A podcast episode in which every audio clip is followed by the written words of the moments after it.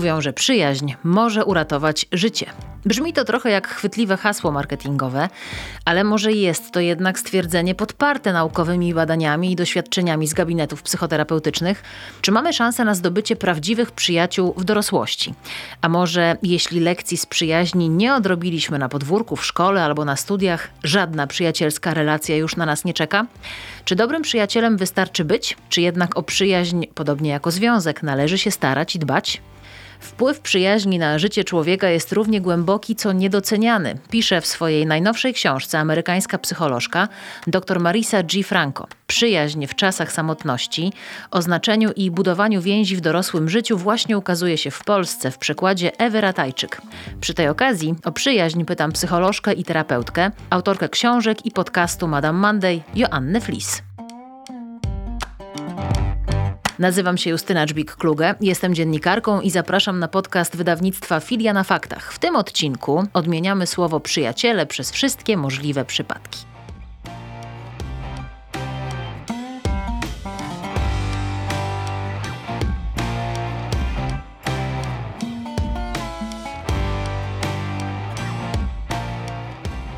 Joasiu, witam Cię bardzo serdecznie. Dzień dobry.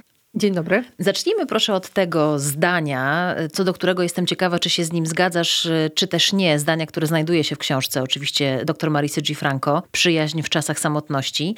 Wpływ przyjaźni na życie człowieka jest równie głęboki, co niedoceniany. Też tak myślisz? Wiesz co, myślę, że tak, że po pierwsze więzi międzyludzkie są jednym z najważniejszych czynników ochronnych naszego zdrowia psychicznego i fizycznego, ale jeszcze do dobrostanu ogólnego. Są takie piękne, podłużne badania amerykańskie, które pokazują, że tym czynnikiem ochronnym, który sprawiał, że ktoś był szczęśliwy, zdrowy i oceniał swoje życie jako wartościowe, było właśnie posiadanie bliskich sobie osób, w tym przyjaciół. Więc to jest zdecydowanie zgadzam się z tezą autorki książki. Natomiast myślę sobie też o tym, że nie doceniamy przyjaźni, bo nie do końca wiemy, jak z tą przyjaźnią postępować i do czego ona miałaby służyć. O ile w dzieciństwie zdecydowanie łatwiej jest nam się przyznawać do tego, że potrzebujemy wokół siebie ludzi, którzy nas lubią, cenią i rozumieją, podzielają nasze perspektywy widzenia świata.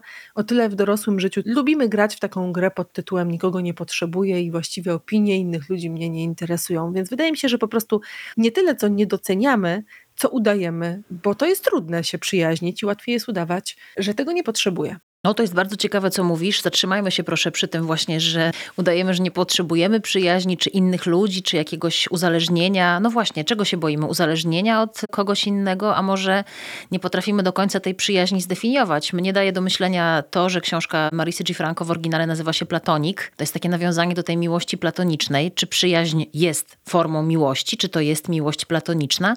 Czy przyjaciół można kochać? Może nie potrafimy jakoś ogarnąć tego, czym przyjaźń się różni od związku tak zwanego romantycznego. Wiesz co, jest jeszcze taka jedna autorka książki, książki Wszystko, co musimy utracić, Judith, która mówi, że przyjaciele to są właśnie takie osoby, z którymi bylibyśmy w związku, gdybyśmy czuli do nich pociąg seksualny, ale nie czujemy. W związku z tym czujemy inny rodzaj pociągu i ona na przykład porównuje przyjaźń do miłości. Tutaj autorka książki, nad którą się pochylamy, ma troszeczkę inaczej. Ona mówi o tym, że jest to miłość platoniczna, choć w pewnym sensie też jest to miłość.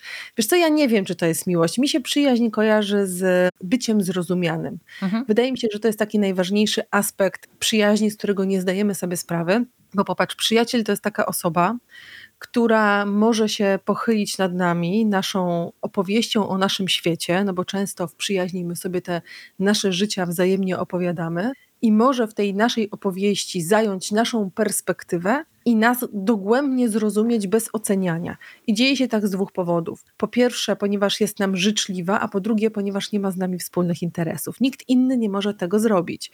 Nasze dzieci mają z nami jakąś wspólną płaszczyznę tej opowieści, więc zawsze będą oceniać naszą opowieść przez swoje takie zapośredniczone doświadczenia związane z uczestnictwem w tej sytuacji. Tak samo jest z naszymi partnerami, partnerkami partner nie do końca może mnie zrozumieć, czyli nie, nie, mogę się przy nim poczuć w pełni zrozumiana, bo on zawsze będzie patrzył na moją opowieść trochę z perspektywy swoich celów i potrzeb. A przyjaciel to jest taka osoba, która nic nie traci na tym, że w pełni przyjmie naszą perspektywę i może nas tym zrozumieniem obdarzyć. Tak byśmy sobie wyobrażali taką idealną przyjaźń, prawda? Taką bezinteresowną w jakiś. No właśnie, pytanie, czy bezinteresowną relację. E, jak ty patrzysz na przyjaźń, na swoje doświadczenie też z gabinetu terapeutycznego, na swoje doświadczenie życiowe? Mówisz, nie do końca przyjaźń moim zdaniem jest miłością. To jaką relacją jest? Ja myślę, że z głęboką sympatią i życzliwością. Przyjaciele, jak nikt inny, są w stanie w taki hojny sposób obdarzać nas taką perspektywą widzenia nas, w którym widzą dobro i nasze zasoby. Czyli przyjaciele trochę mają skłonność do takiego stawania po naszej stronie. Ktoś inny mógłby powiedzieć usprawiedliwiania nas, ale każdy z nas potrzebuje swojego adwokata. I często przyjaciele taką rolę pełnią. I właśnie mam wątpliwość, czy to jest miłość, czy to jest decyzja o tym, że chcę tą drugą osobę traktować w sposób y, życzliwy, czuły, koncentrując się na jej zasobach, tak sobie, tak sobie to wyobrażam. Skoro mówisz decyzja, to mnie się od razu kojarzy bardzo ciekawa teza, która znajduje się w książce Przyjaźń w czasach samotności. Mianowicie prosta, choć dla niektórych zaskakująca prawda, jak pisze autorka dr Marisa G. Franco. Nawiązywanie przyjaźni w dorosłym życiu wymaga inicjatywy. Trzeba wyjść do świata i próbować. Mówiąc prościej, nawiązywanie przyjaźni to proces ustawicznego próbowania. Ponieważ to jest taki trochę poradnik, jak się przyjaźnić, to zastanawiam się, jak ty na to patrzysz, na ile ile w dorosłości mamy szansę na tak zwaną prawdziwą przyjaźń. No bo zobacz, są takie konstrukty jak mój przyjaciel z dzieciństwa, tak? mój kumpel z podwórka, mój przyjaciel ze studiów, tak? a nie ma mój przyjaciel z pracy albo mój przyjaciel z jogi, raczej moja koleżanka z jakichś zajęć, nie wiem, pozapracowych. Jak ty patrzysz na nauczenie się, czy może zdobycie przyjaźni w dorosłości? Czy mamy na to szansę? Wiesz co, to jest bardzo ciekawe, dlatego że rzeczywiście w okresie e, dzieciństwa i takiej wczesnej młodości my mamy tak zwaną fazę latentną i w tej fazie latentnej przestajemy być zainteresowani płcią przeciwną i tak trochę właśnie platonicznie zakochujemy się w różnych koleżankach i kolegach. Już doktor Freud o tym mówił, dziadek znacznie. mówił o tym, że najpierw jesteśmy bardzo zainteresowani naszą seksualnością, jako takie bardzo małe dzieci, eksplorujemy tę rzeczywistość, a potem pojawia się faza latentna i w tej fazie latentnej no dziewczynki chodzą z przyjaciółkami pod rękę, chłopcy też tam się jakoś ze sobą zderzają cieleśnie i że to są właśnie takie fascynacje platoniczne, ale które są bardzo blisko właśnie fascynacji seksualnej, przy czym ta seksualność jest tam wyłączona z tego. I stąd te dziecięce przyjaźnie, one mają tą nutkę takiej fascynacji.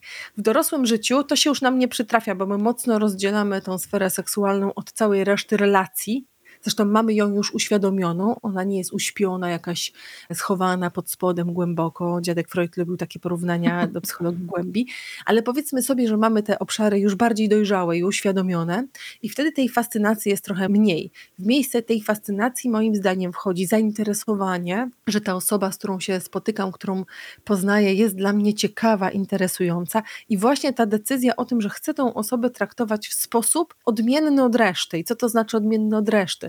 Dla mnie odmienny od reszty oznacza, że właśnie chcę przyjmować perspektywę tej osoby, chcę się pozwalać tej osobie oprowadzać mnie po swoim świecie i w drugą stronę sobie pozwolę na to, żeby tę osobę oprowadzić po moim świecie.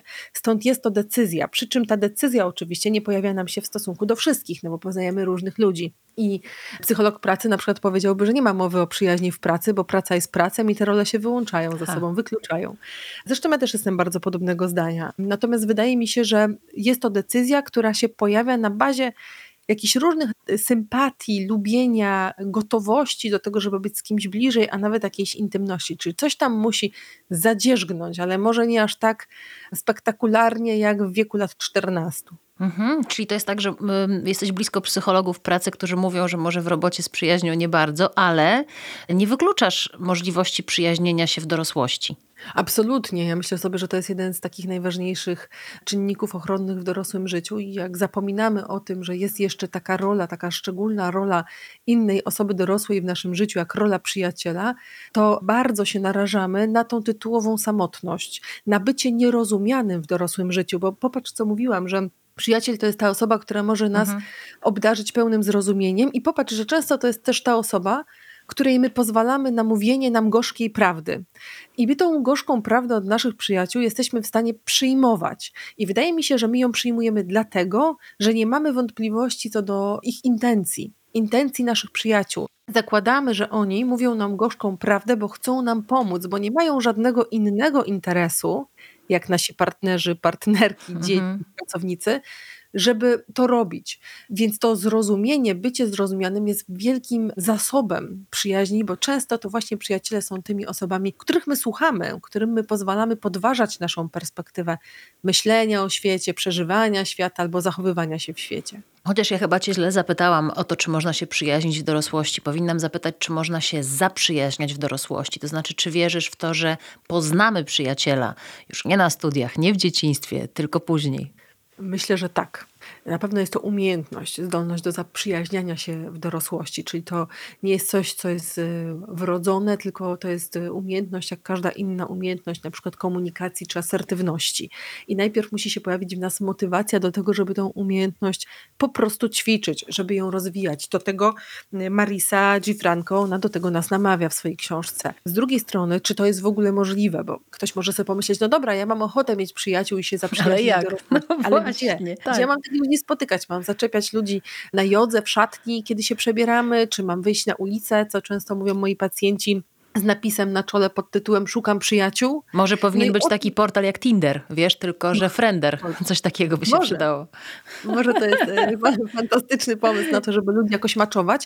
I to jest, wiesz, ważne o czym mówisz, bo to zakłada, że to jest wysiłek i że musimy tych ludzi trochę po drodze spotkać, żeby ktoś wzbudził w nas takie stany emocjonalne, że my się pozwolimy sobie otworzyć na tą osobę i drugiej osobie poczuć się w tym otwarciu na nas e, też bezpiecznie, bo chodzi o bezpieczeństwo. I wiesz, Brené Brown mówi, że jesteśmy tak chorzy jak nasze sekrety. Ja wiem, że często ją cytuję, ale w tym wypadku trochę chyba też tak jest z przyjaźnią, że im bardziej uważamy, że jesteśmy niefajni, że mamy dramatyczną historię życia, że nie mamy żadnych zasobów i nic dodania, i im bardziej siebie nie lubimy, tym mniejsze prawdopodobieństwo, że my będziemy skłonni wkładać wysiłek w zaprzyjaźnienie się z kimś, bo będziemy mieć ukryte przekonania, że nie ma się z czym z nami zaprzyjaźnić, że nie ma w nas tego zasobu, że nie jesteśmy godni bycia lubianym albo obdarzany właśnie bezpieczeństwem, poczuciem bezpieczeństwa, albo nawet zrozumienia czy wyrozumiałości. Pogadajmy trochę o tym, dlaczego dzisiaj akurat w tych obecnych czasach jest nam trudno. Książka nazywa się w polskim tłumaczeniu Przyjaźń w czasach samotności. Zatrzymałabym się na chwilę przy tych czasach samotności.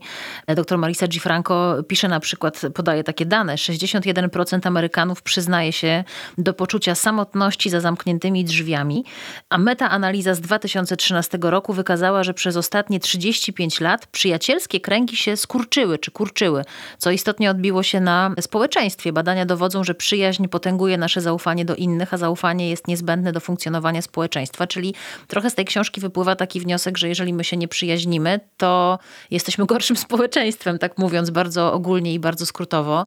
Dlaczego gdzieś tam te przyjaźnie nam odeszły i czujemy się samotni, nawet nie tylko za zamkniętymi drzwiami, jak ci Amerykanie, ale czasami nawet w tłumie? Ja myślę, że bardzo pragmatycznie możemy zacząć. Od tego, że różne funkcje, które wcześniej miało plemię, dziś przejęło państwo i one są sformalizowane. Czyli nie potrzebujemy okay. aż tylu przyjaciół w naszym życiu, którzy mogliby nam w różnych aspektach naszego życia pomagać, dlatego że formalnie robi to za nas państwo. Jest mniejsze, mniejsza odczuwana głęboka potrzeba do tego, żeby mieć to plemię coraz większe. Więc my się atomizujemy do takich małych, wąskich komórek społecznych zwanych rodziną w socjologii Zresztą jak zobaczysz sobie historycznie, to rzeczywiście to socjologia wprowadziła e, takie zdanie, że rodzina jest podstawową komórką tak, społeczną. Och. tak, dokładnie. Więc my trochę w to uwierzyliśmy, że ta komórka społeczna to jest rodzina i że wszystko, co za, poza rodziną już nie należy do naszej komórki społecznej. Więc to jest jakby jedna bardzo pragmatyczna rzecz. Druga rzecz jest taka, że jesteśmy e, społeczeństwem, które coraz bardziej boi się różnych zagrożeń, które na nas czyhają. Każdy z nas ma tak zwany behawioralny system odpornościowy w sobie. Ten behawioralny system odpornościowy podpowiada nam, na przykład wstręt do niego należy, podpowiada nam, czy warto być blisko, czy nie. Kiedy ktoś kaszle, to on nam każe na przykład od, od, odskoczyć, tak? I ten behawioralny system odpornościowy, on nasila swoje działanie wtedy, kiedy dostajemy informację, że jest bardzo niebezpiecznie dookoła. I on nas bardzo często nakłania do tego, żeby jednak być daleko od innych ludzi, a na pewno daleko biologicznie. I on też zwiększa nasz nacjonalizm. Czyli mamy taką tendencję do tego, żeby preferować członków swojego plemienia, a nie cudzego. No niestety empatia ma swoją brzydką stronę. Słuchaj, taką. to z tego co mówisz, to my idziemy w stronę w ogóle odcinania się całkiem od przyjaciół. Zaraz dojdziemy do wniosku, że są nam niepotrzebni. Tak, możemy dojść do takiego wniosku i, i myślę sobie, że ta forma, którą wybieramy, czyli zapośredniczona przez internet, która w ogóle nie uwzględnia szerokości geograficznej, czyli tej, tego terytorializmu mhm. relacyjnego, ona trochę to pokazuje że my zakładamy, że ci przyjaciele nam są potrzebni, ale do takiego pogadania sobie, do jakiejś takiej rozrywki, ale w takim realnym życiu tu i teraz ja tych przyjaciół nie potrzebuję mieć dwie przecznice dalej.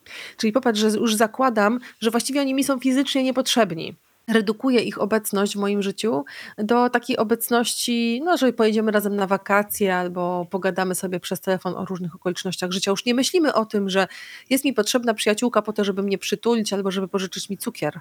A szkoda, że tak nie myślimy, a właściwie nawet chyba niebezpiecznie, że tak nie myślimy, bo ja tutaj mam sporo zdań z książki Przyjaźń w czasach samotności, które chętnie wykorzystam jako takie elementy pchające ten wątek naszej rozmowy dalej. Marisa G. Franco pisze tak. Metaanalizy wykazały na przykład, że ćwiczenia zmniejszają ryzyko śmierci od 23 do 30%, dieta o 24%, a szeroki krąg przyjaciół o 45%. Naukowcy odkryli też, że spośród 106 czynników związanych z depresją, posiadanie kogoś, komu można się zwierzyć, jest najsilniejszym czynnikiem jej zapobiegającym. Czyli co? Powinnyśmy powiedzieć, że literalnie otaczanie się bliskimi przyjaciółmi ratuje nam życie. Tak, że jesteśmy istotami społecznymi i bycie istotą społeczną zakłada, że potrzebujemy różnych ludzi, którzy wchodzą w różne role w naszym życiu i to jest czynnik ochronny.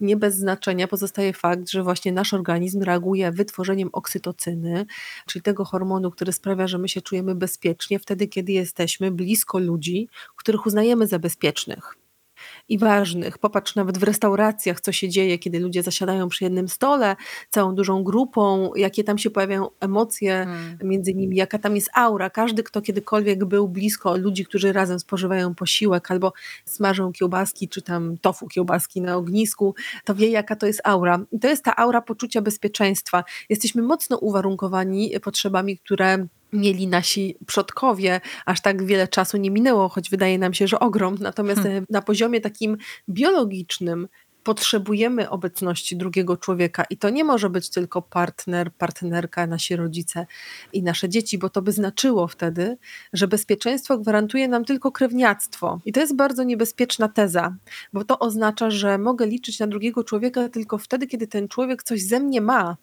Czyli hmm. jestem przedłużeniem jego genów to zakłada, że przestaje wierzyć w to, że jeżeli łączy nas po prostu jakaś mm, więź, to że ona może się zbudować bez tego krewniactwa.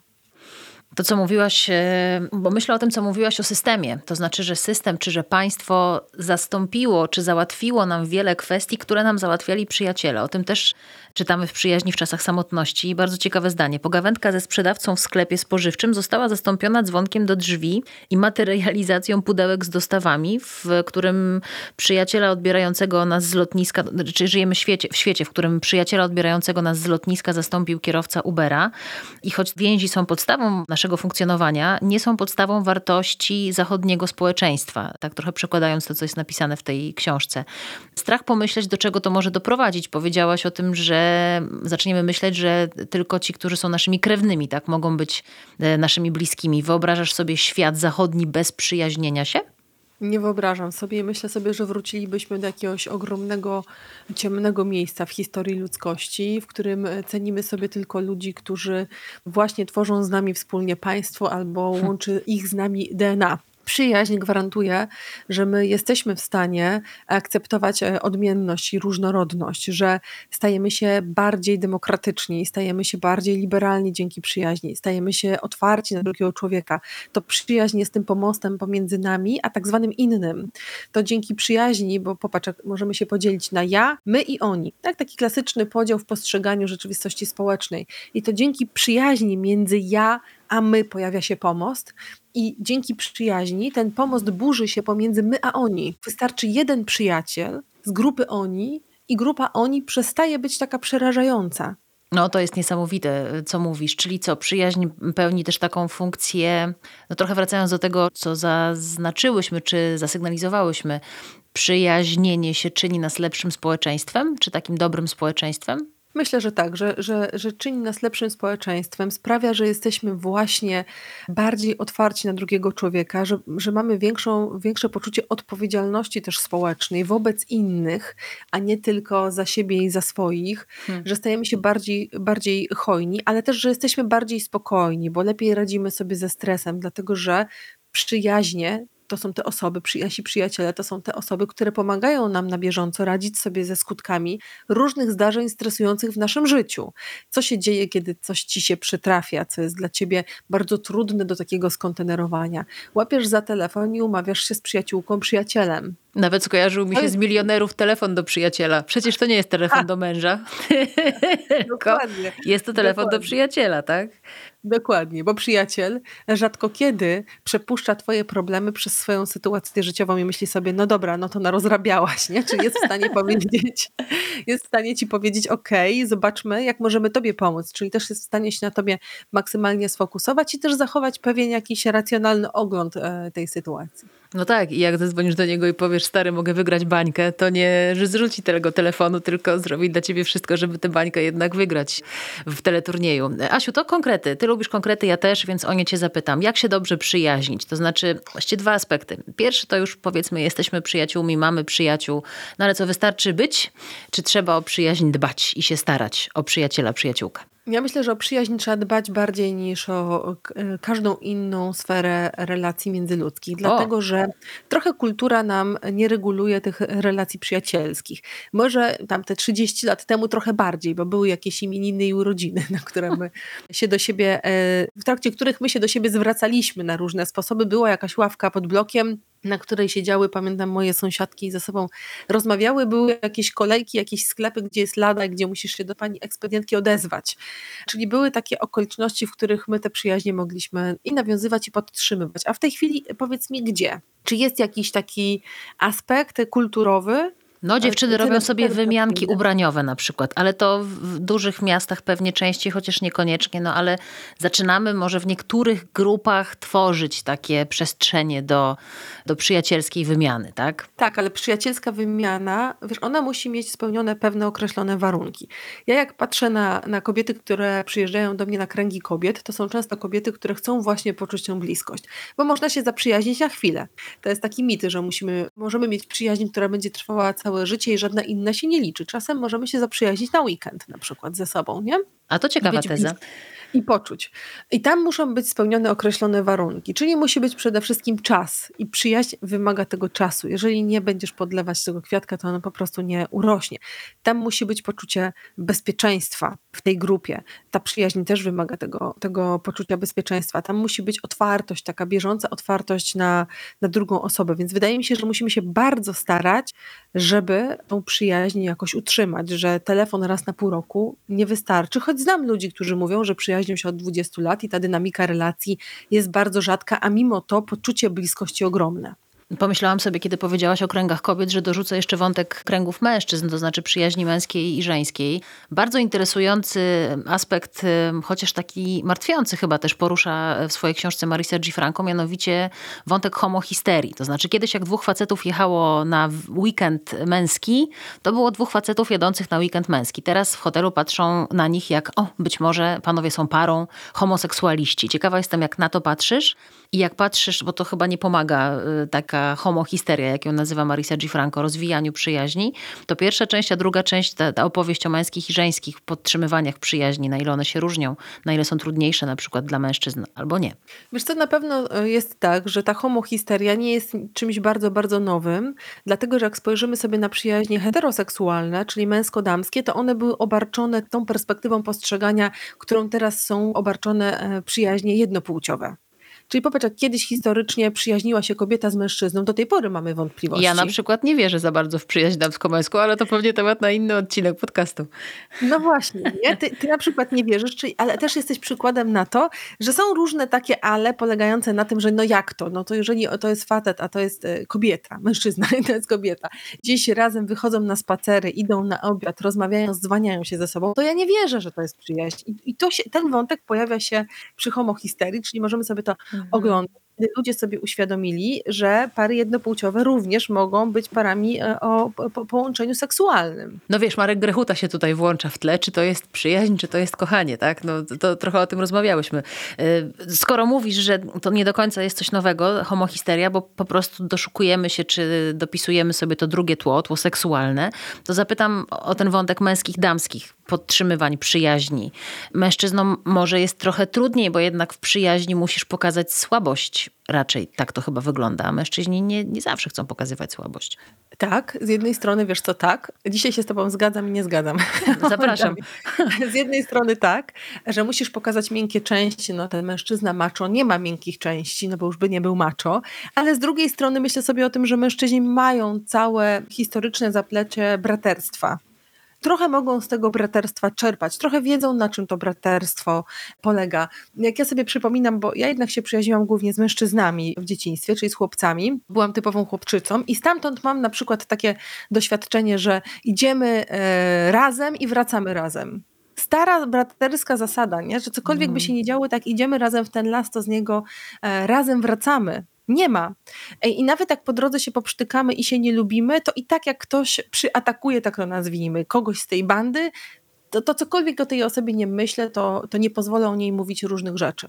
I to jest takie zaplecze takiego kodeksu braterstwa, który, który mają mężczyźni i jest im pewnie łatwiej w związku z tym, bo mają e, zasady trochę bardziej takie uświadomione. Klarowne też, tak, jasne, tak. proste, tak, wiadomo. To mi przypomniało kilka różnych imprezowych wyjść, z których ja wracałam późno sama. I przyjaciółki no na mnie nie czekały, więc tutaj rzeczywiście tego braterstwa, czy może raczej siostrzeństwa nie było. No dobrze, mhm. nie musimy się zawsze zgadzać. To nawet pewnie ciekawie jest trochę tej niezgody sobie zafundować, ale nie o niezgodę, tylko o konkret. Pierwszy wątek to było przyjaźnienie się i dbanie o przyjaźń, a drugi wątek e, zdobycie przyjaciela. Jesteśmy dorośli, tak jak powiedziałaś, to jest decyzja, jakiś wybór. Powiedzmy, że no niekoniecznie w pracy, niekoniecznie na Tinderze, Frienderze, ale na jakichś zajęciach, czy to weekendowych, czy pozapracowych, poznajemy kogoś, z kim moglibyśmy się przyjaźnić. Jak do tej przyjaźni się zabrać? O, no właśnie, jak się do niej zabrać? Najpierw musimy sobie zadać pytanie takie bardzo uczciwe, czy, czy, czy my jesteśmy gotowi na przyjaźń? Czyli czy jesteśmy w stanie w swoim życiu zrobić przestrzeń na to, żeby, żeby w tej przyjaźni być i co my możemy w tej przyjaźni dać i czego my w tej przyjaźni możemy oczekiwać? W dwie strony. Mm, doktor Marisa Gifranco, ona proponuje taki piękny podział oparty na teorii Bowlbiego, teorii więzi, który pokazuje trochę takie style wchodzenia w te relacje przyjacielskie. Nie będę teraz wszystkiego zdradzać, bo, bo odeślę raczej Państwa do książki, natomiast warto się najpierw przyjrzeć własnemu stylowi wchodzenia w relację przyjacielską, bo Style są trochę bezwzględne, jeżeli nie rozumiemy tego, w jaki sposób my nawiązujemy relacje z drugim człowiekiem i jak nasza historia e, dzieciństwa i relacji z rodzicami determinuje to, jak my widzimy relacje z drugim człowiekiem, to nawet jak się dobrze przygotujemy na to, że chcemy mieć tych przyjaciół i się zaprzyjaźnić, to i tak z tego nic nie będzie, bo bardzo szybko pobite gary się pojawią. Jakieś takie nasze e, kłopoty. I tutaj trochę, wiesz co, wrócę do tych mężczyzn i kobiet, chociaż nie chcę jakoś tak bardzo kobiet stygmatyzować, ale w tym siostrzeństwie na przykład my jako kobiety bardzo mamy dużą do przepracowania część związaną z zazdrością. Mhm zazdrością i ocenianiem się. I tu pięknie teoria użyta w książce pokazuje, że no, podstawą tego naszego zazdrośnictwa i tego, tej zawiści, skłonności do oceniania drugiej osoby wcale nie jest to, że my jesteśmy jakimiś okropnymi ludźmi e, i zazdrośnicami, tylko jest po prostu ogromny lęk przed byciem odrzuconym. I, I, to doświadczenie odrzucenia z grupy rówieśniczej e, jest częstsze u kobiet niż u mężczyzn. Mężczyźni rzeczywiście lepiej radzą sobie w bandach, w których e, są członkowie grupy zróżnicowanych, którzy się mniej lub bardziej lubią, czyli mają większą zdolność do bycia w zróżnicowanych grupach przyjacielskich. Kobiety to niekoniecznie potrafią. Mhm. Czyli częściej mają doświadczenia w dzieciństwa przyjaźni jeden na jeden, jak już jest trzy, to się robi tłok, a jak cztery, to się pojawiają plotki. I, I, rzeczywiście jest tak, że jak jesteś e, z kimś blisko, to kogoś odstawiasz na bok, więc my się musimy tej różnorodności nauczyć i bycia w większych grupach, z tego powodu, że to jest jeden z czynników ochronnych przed tym lękiem, przed odrzuceniem, czyli mamy taką gradiację doświadczeń, która idzie od dzieciństwa, która wpływa na całe nasze życie. Ja znam bardzo dużo e, kobiet, które opowiadają mi o, właśnie tym doświadczeniu odrzucenia przez koleżanki, o tym doświadczeniu potrzeby wyłączności w relacji z przyjaciółką i w drugą stronę, o tej zaborczości, która jest podszyta lękiem. Czyli mogłabym powiedzieć, że tego lęku w nas jest więcej. Ale wracając do meritum, mówisz, jak się zaprzyjaźniać, no to dobrze poznać siebie najpierw, mm, bo jak siebie i historię własnych przyjaźni nie poznamy, to będziemy ją projektować na innych ludzi, na kolejnych ludzi, którzy się pojawiają w naszym życiu i na przykład brak czasu ze strony przyjaciół, nowych przyjaciół, będziemy traktować jak coś wymierzonego przeciwko nam albo sygnał, że właśnie oto znowu y, pojawia się ta sama melodia mojego życia w relacjach z przyjaciółmi, bo mhm. jestem nielubiana. Czyli poznanie siebie to pierwszy punkt. E, podpowiedzi, jak to zrobić w książce, no de facto będącej poradnikiem przyjaźń w czasach samotności. Czyli nie do końca prawdziwa jest ta teza, że można mieć jednego przyjaciela, bo to też wokół przyjaźni mamy przeróżne takie rosnące dookoła niczym mech przeświadczenia, że jeden przyjaciel na całe życie, albo właśnie, że nie można mieć wielu przyjaciół. Można. Ja myślę, że przyjaciół można mieć wielu i że warto też otwierać się na przyjaciół naszych przyjaciół. Kiedyś miałam okazję hmm. brać udział w takich regularnych imprezach polegających na tym, że przyjaciółki spotykały się, żeby poznać ze sobą swoje przyjaciółki i żeby te kręgi powiększać i że mm, Chyba takim dobrym punktem wyjścia jest myślenie o przyjaźni w tym kontekście jak o miłości do własnych dzieci, że ją się mnoży, a nie dzieli.